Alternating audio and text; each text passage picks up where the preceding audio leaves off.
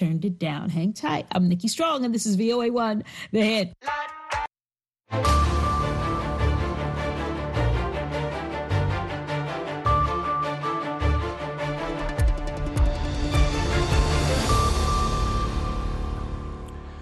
halkani waa washington laanta afka soomaaliga ee v o a oo aad ka dhageysataan mawjadaha gaagaaban ee geeska afrika iyo caalamka oo dhan oo aad nagala socotaan v o a somaly com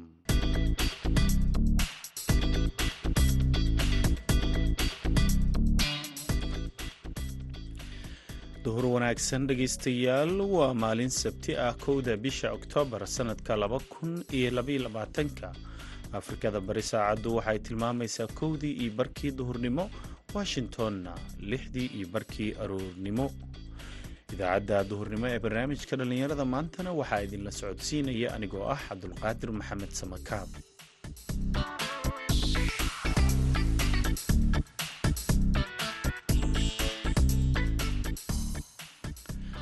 Qodobada aad ku dhagaysan doontaan idaacaddeenna duhurnimo waxaa ka mid ah golaha guurtida ee somalilan oo muddo kordhin u sameeyey xukuumadda madaxweyne muuse biixi oo ay u kordhiyeen laba sano iyo sidoo kale iyagana inay kordhisteen shan sano.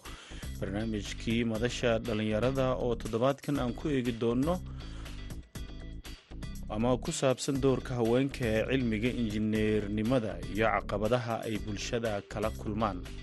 Caqabadaha ugu waaweyn ee na haysta gabadh ahaan inaan fiilkan barnay ku shaqayno oo suuqii soo galno horta wax adag festival waxaa ku qabanaysaa gabadhnimadii ciyaarihii kaalmihii heesaha ayaad sidoo kale maqli doontaan balse intaasoo dhan waxaa ka horreeya warkii dunida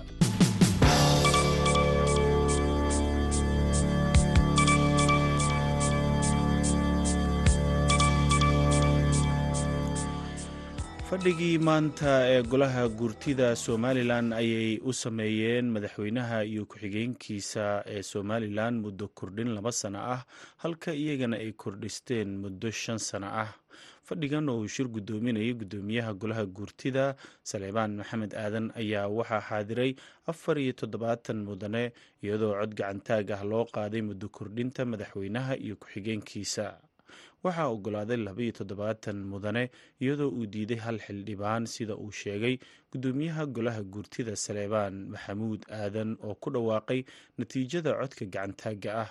Si kastaba shirguddoonka ayaa sheegay in loo soo gudbiyey muddo kordhinta madaxtooyada iyo golaha guurtida.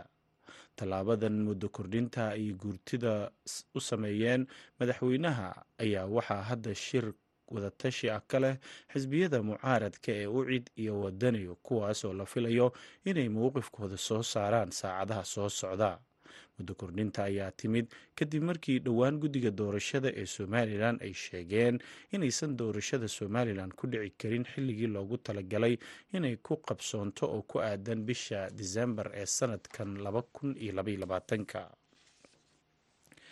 madaxweyne joe biden ayaa sheegay xalay in maraykanka aysan baqdin gelin doonin hanjabaada aan ka fiirsiga lahayn ee ruushka. Kadib markii valadimir putin uu shalay ku dhawaaqay inuu dalkiisa ku darsaday afarta gobol ee la haysta ee ukraine.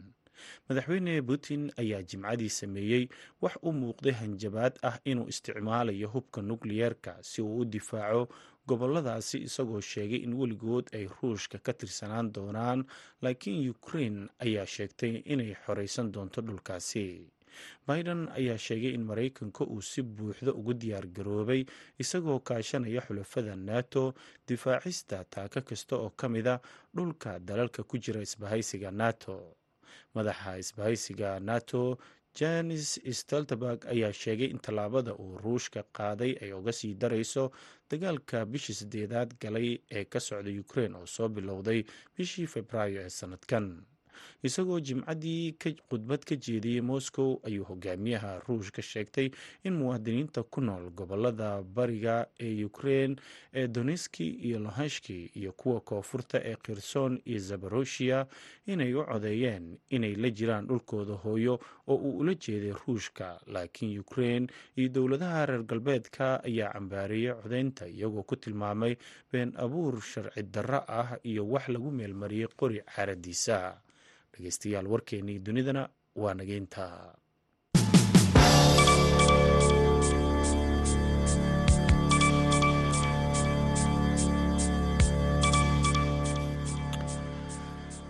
halkaaad warkaasi ka dhageysanayseen waa idaacadda v o a oo idinkaga imaaneysa washington. Duhur wanaagsan mar kale dhegeystayaal markana waxaad ku soo dhowaataan barnaamijkii madasha dhallinyarada oo toddobaadkan uu inoo soo diyaariyey haashim sheekh cumar good oo jooga boorama.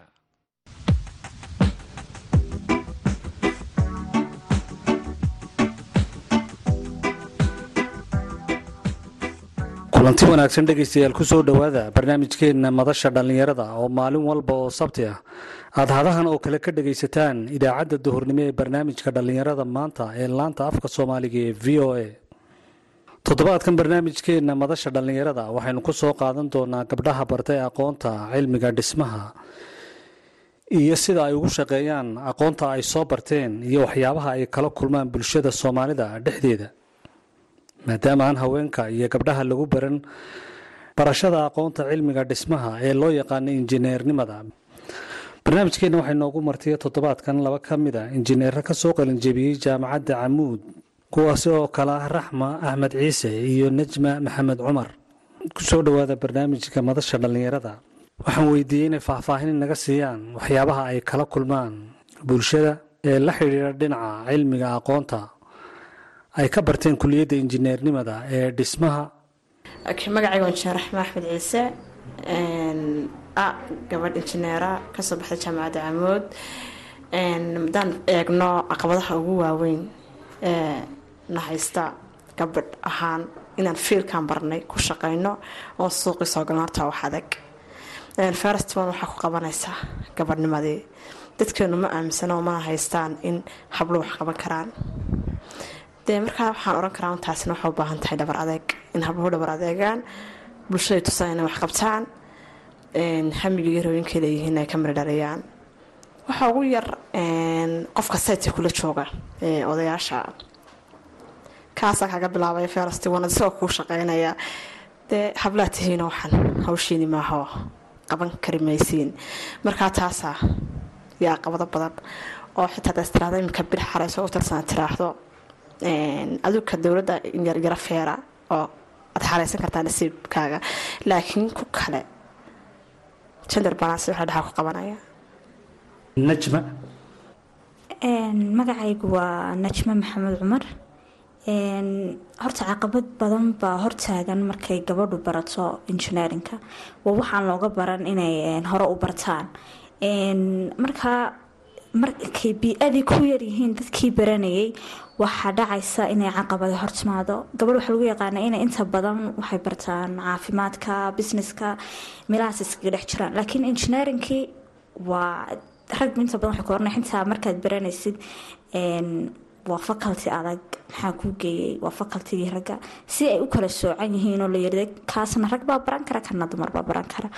Soo markaa waxaa jira caqabado aada u badan oo runtii hortaagan dumarka markay noqoto dhanka shaqada. Laakiin taa waxa lagaga gudbi karaa waa gidaar adag gidaarka adag waxa loo baahan yahay cid oo u dhabar adeegta. Dhabar adeegaasina ma oranaya waa wax sahlan wax aada u adag oo u baahan in ay gabadhu runtii iska dhigto qof adag taasun baan oran karaa way kaga gudbi kartaa injineer raxma intii ka sokaysay muddadii aad ka qalinjabiseen kuliyadda farsamada amase injineerinka ee jaamacadda camuud ilaa iyo hadda maxaad qabateen?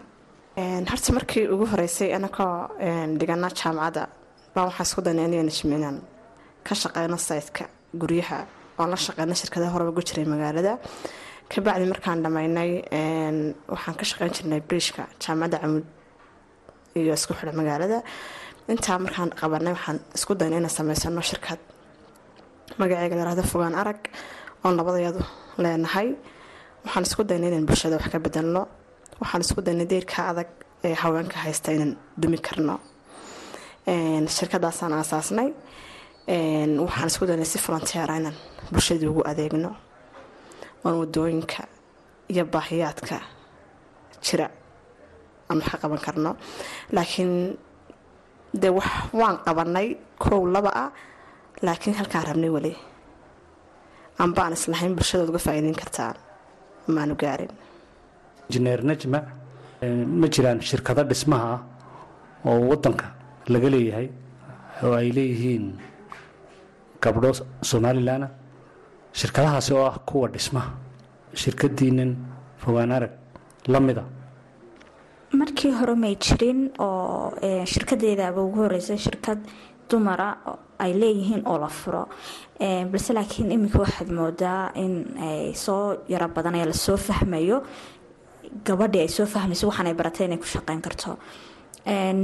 Hargeysa iminka waxaan ku arkay shirkad dhismo ah laakiin aan lahayn saad injineer iyo waxaas laakiin leh dhisaynkii taasaan arkay gabadh baana iskaleh muddo iminka sanada baan u malaynayaa inay jirto.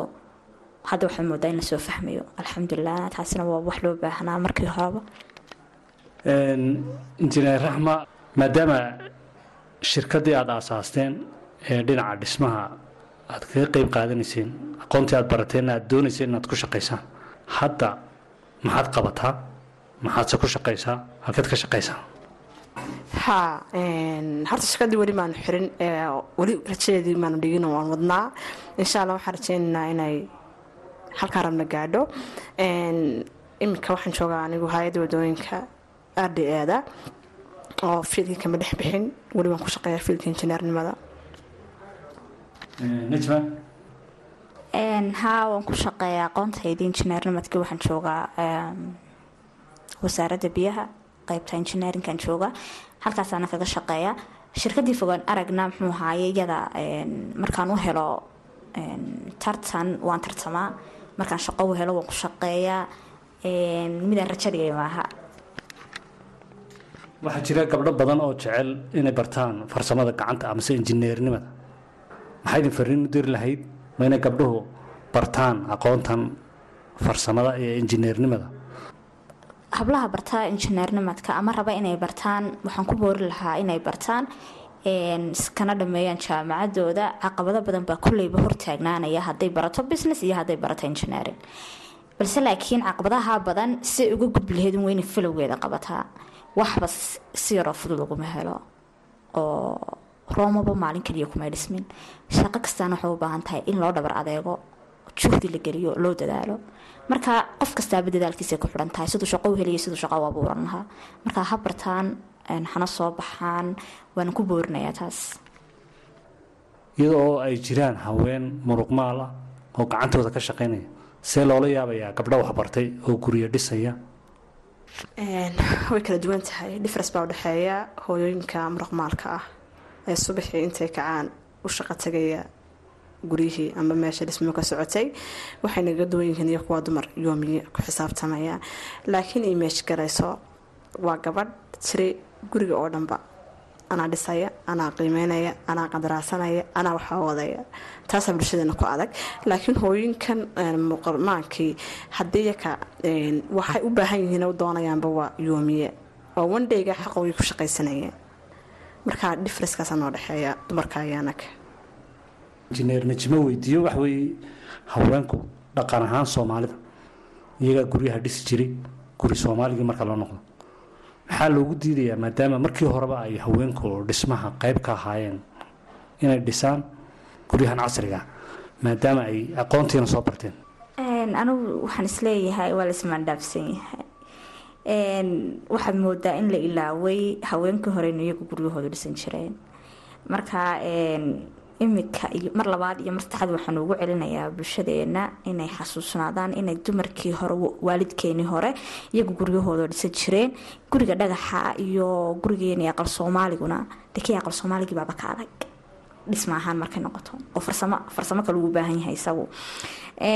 Kan dhagaxa iyo jaajuurka laga dhisayaana dee imka fudud yahan baan arkaa kii hore?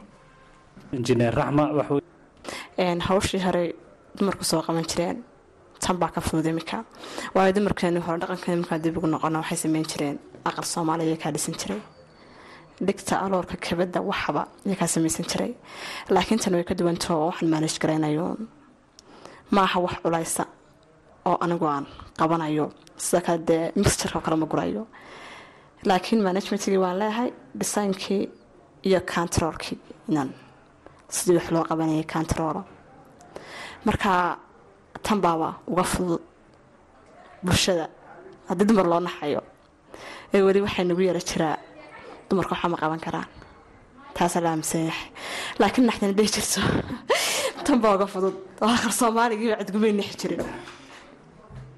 Najma waxaa jira gabdho badan oo qurba jooga amase wadanka gudihiisaba jooga oo ganacsi leh. Kaasi ama qurba jooga amase wadanka gudihiisa jooga guryaha ay dhisanayaan maxay idinka oo waxbartay oo haweena ay idinku aamini lahayiin waxaan isleey waan la isgaarinuun hadday markaa ogaadaan inay habla jiraan injineera oo dhismihii ku dhex jira waxaan leeyahay uun ha loo soo dhiibto hablaha injineerada iyagaana idinka wanaagsan markay noqoto halka ragga. Dumar ahaana dee isku nahay. Ashaan weydiiye najma haddaan injineer raxma adigana ku weydiiyo. Anu waxaan is leeyahay dumarka dhinac kastaa qalad baa ka yar haysato waxay soo dhaafi lahayiin reernimo. Markaa xagga aqoonta waayo dhinaca soo yar eegaan baa le horeernimadan soo dhaafaanoo habluhooga waxbartay ha dhiirigeliyaan xaqiiqatan haddaan qacmaha isqabsanin baa darbigaa la jabin karaa. Marka guri la eego dhismihiisana dee dumarka uga wanaagsanoo garanaya meel walba halkay ku habboonayd marka ayakana waxaan leeyahay hablaha dhiirigeliya waa hablihiinii waxbay soo barteen aqoon bay leeyihiin. Jaanisa ka faaidaysta maadaama ay tahay aqoontan injineernimadu mid aan hore looga baran gabdhaha. Qofku wuxuu isweydiinayaa horta gabdhahani guryo may soo dhiseen ma dhisi karaan mise ma dhisi karaan? Qofka sidaa aaminsan siad wax u fahamsiin kartaan. Weli waxaa yaro jiraad moodeysaa qabiil. Marka guryo waan dhisnay laakiin gurigaad dhisaysaa wuxuu ku xidhan yahay yaa leh. Tartan oo kalead geli kartaa ta ugu fudud ee aanu anagu wax ku heli karna waxa weyaan tartan. Mar walba muxuu haaye isdhaahno shaqo ku bilowno shirkadeedana waxa weyaan tartan u baangallaa guryaha iyo haddii dhankaa u yara kacdid mushkiladeeda yaro badan. Mushkiladeedu waxay u yaro badnaanaysaa qof kasta oo aada isleedahay guri bal ha kuu dhiibta maanta. Horta waxaad yaro moodaaba inay qabiilkiinugu yara jiro. Qolomaa tahay baa sometimes layska kaa oranaya inaan adeerkii adeer uu yahay ama wiil yaroo adeedow tahay ayaa injineernimada soo bartay. Kaasay u dhiibanaysaa waxaad moodaysaa in lagu imtixaamayo. Wixii adigoo tusaya oranaya dhisaynkan baan sameeyaa guryaha noocana baan dhisaa kaale soo arag. Ayaa haddana waxaa dhacaysa halka ugu dambeysa laguu qabanaya qolamaa tahay qof kastaaba wuxuu ku oranayaa ma injineer baad barato waa lagugu naxayaa adigoo gabadha hadda tiraa injineering baa bartay ta koowaad waxa weyaan in lagaa naxo oo lagu dhaho ma adoo gabadha ayaad baratay engineering. Laakiin alxamdulilah dad badan way jiraana dhiirigeliya oo na taageera. Waan helnaa dhiirigelin laakiin wax saa weynoo la sii taaban kara maaha imika. Waan rajeynaynaa intaa aan ka helnay inka badan bayna ka helno. Waanu mahad celinaya cid walba nagu dhiirigelisay. Horta bulshada dhiirigelinta way ku fiican tahayo marka hore waa lagu dhiirigelinayaa laakiin wuxoogay tusoo taabsiye maaha. Dhiirigelintaana ka ahayn tan bilow oo dhamee laakiin qof walba afka maasha allah si fiican baa dhiirigelinaya intaas waxaynu ku soo gunaanadiina kuna soo gabagabaynaynaa barnaamijkeenii madasha dhallinyarada oo maanta idinkaga imanayay magaalada boorame ee gobolka awdal. Aanan kaga hadlaynay gabdhaha barta injineernimada iyo aqoonta dhismaha ee ka soo qalinjabiyey kuliyadaha jaamacadda waddanka gudihiisa iyo sida ay shaqo ugu helaan aqoontaasi ay barteen ee dhinaca cilmiga dhismaha ee injineernimada. Waxaana marti inoogu ahaa laba gabdhood oo ka mid a gabdhaha ka qalinjabiyey kuliyadda injineernimada ee jaamacadda camuud ee gobolkan awdal kuwaasi oo kale ahaa injineer raxma axmed ciise iyo injineer najma maxamed cumar. Waxaa barnaamijka idinka soo diyaariyey magaalada boorama dhegaystayaal. Anigoo ah haashim sheekh cumar good tan iyo kulantideenna dambena waxaan idinkaga tegayaa sidaas iyo nabadgelyo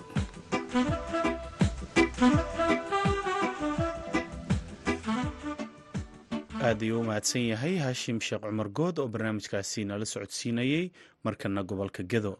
Maamulka gobolka gedo ayaa sheegay in dad gaaraya toban qof oo isugu jira soomaali iyo kenyaan ay kooxda al-shabaab dileen kadib markii ay weerar ku qaadeen xilli ay ceelbiyood ka qodayeen deegaanka gariley ee ku yaalla duleedka degmada ceelwaaq ee gobolka gedo iyadoo sidoo kalena al-shabaab ay dhaceen gaadiidkii iyo qalabkii ceelka lagu qodayey saare cabdi axmed ayaa arrimahaasi ka wareysatay guddoomiyaha gobolka gedo axmed buule saaroy aad baan ku salaamayaa. Arrintaas waxay ka dhacday meesha layidhaha sona gariley dadkaas shacabka oo ay meesha ku laayeen waxay ahaayeen dad gaaraya ilaa toban qof oo dad isugu jira injineeradii ceelasha qodahayay iyo gaariga riigaana meesha bay ku gubeen. Dadkaas iyaga oo masaakiinta oo meesha dadka ay ku laayeen arrintaas waa arrin foolxun waa arrin maaragta dee aan bini-aadamnimada iyo nidaamka iyo qaynuunka midnaba aanan qaabilsanayn maxaa jira dad shacab ah oo deegaanka u dhashay oo gobolka u dhashay iyo ummadda soomaaliyeed dhaqaale ay isku soo dareen bay ayd waxa ceelkaas lagu badahiyey goobo badan bayna dadkaas ceelasha ka bodeen oo jaaliyadaha dhaqaalahaas soo aruuriyey oo ay ka mid tahay dhulka oo manaha maadaama had iyo jeer markii abaara ay dhacaan gobolka inta badan annagu aan ka cabanna biyaha goobaha iyagaa ceelasha dadku saa u qodaayay bay ahaayeen marka koowaadna ma ahayna meelo badan bay ka soo qodeen oo laga qodi jiray. Marka arrinkaa dadkii oo shacabkaa oo aanan filaynin arrinta iyada bayta ku soo guuleen bay meesha ku baaqtay waayahay tirada waxaad ii sheegtay toban qof. Inkastoo labiyo toban qofna aan maqalnay ee si madax bannaan v o e da balse guddoomiye adiga maadaama aad gobolkii dhex joogtid tobanka qof maxay kala ahaayeen? Dadka meesha ay ku laayeen annaga intaan hayno oo hadda informationka aan ka hayno maadaama deegaankii aan la xiriirnay. Way dhici kartaa dad inta rasaastaas ay habaysho ku ridaayeen oo iyadoon cidna la dagaalamaynin waa laga yaabaa dad dhaawacyo gaara inay dhaawacyadaas u dhinteen laakiin waxa weye dadka ilaa hadda annagaan hayna toban qof wey tobankaas qof afar qof waa dadka dariska oo shacab bay ahaayeen waa dad technication ah weeye oo mar walba maarata la soo kiraysto. Gaarigana waxaa laga lahaa dadka xuduudka degan oo soomaalida oo lakikeeyaanka iska lahaa waana gawaarida mar walba ceelasha odaysay bay ahayd marka dadkaas dad shacabka u gargaarahaya oo shacabka u shaqaynaya ayay ahaayeen wax lagu duro iyo wax hadda baalkaa ma aysan jirin. Nimankaana dee waa wax ay bannaysteen weye in ay cidday doonaanna ay dilaan cidday doonaanna saa yeelaan.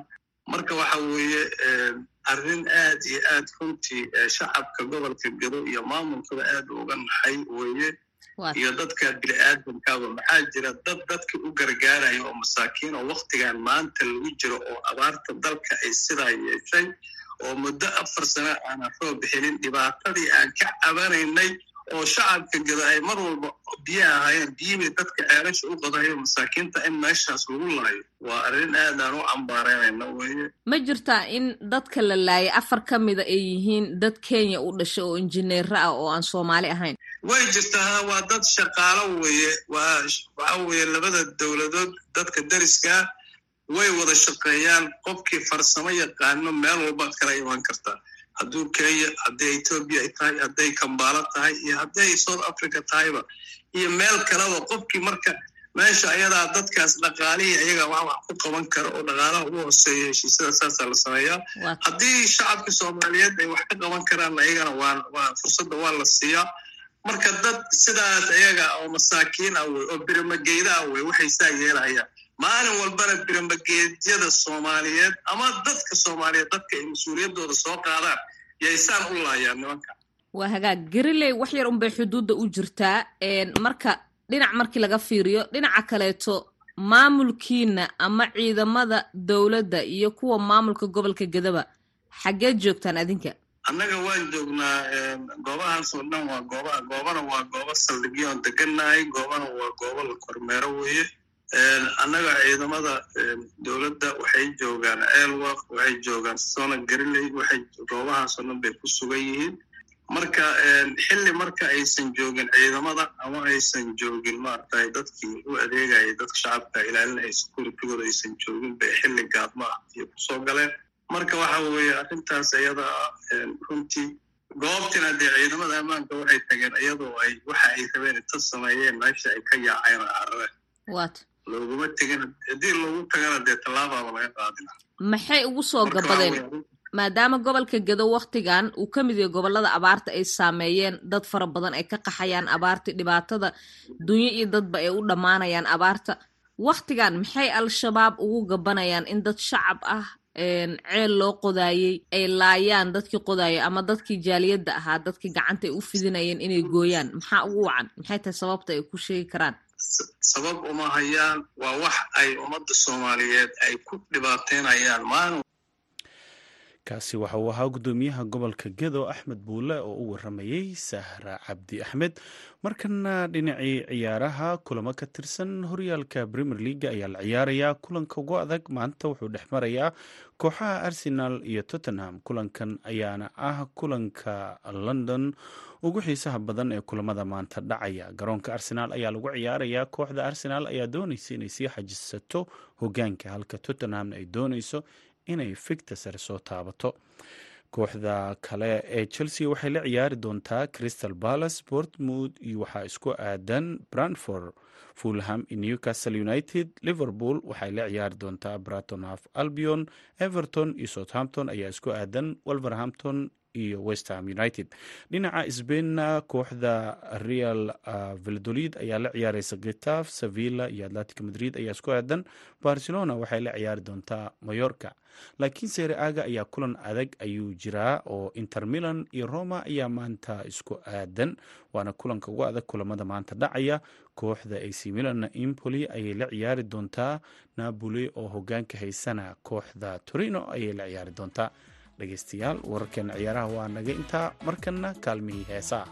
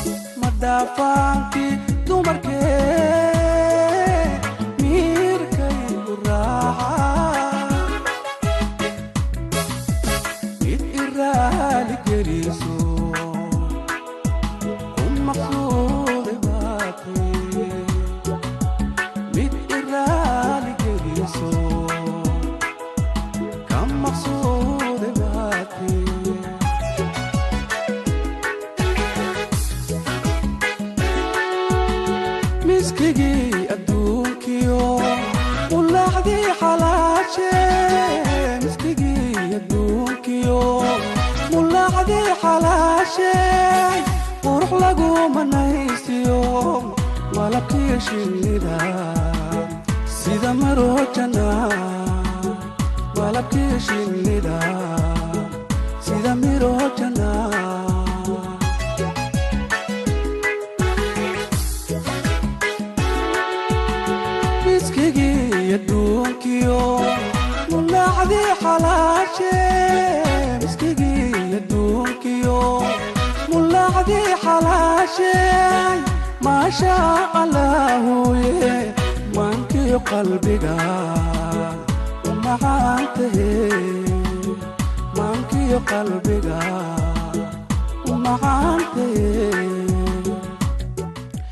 heestaasi la foole ayaa u dambeysay idaacaddeenna duhurnimo. Waxaa idinla socodsiinaya anigoo samakaab ah. Tan iyo idaacaddeenna galabnimo waxaan idinkaga tegaynaa sidaa iyo nabadgelyo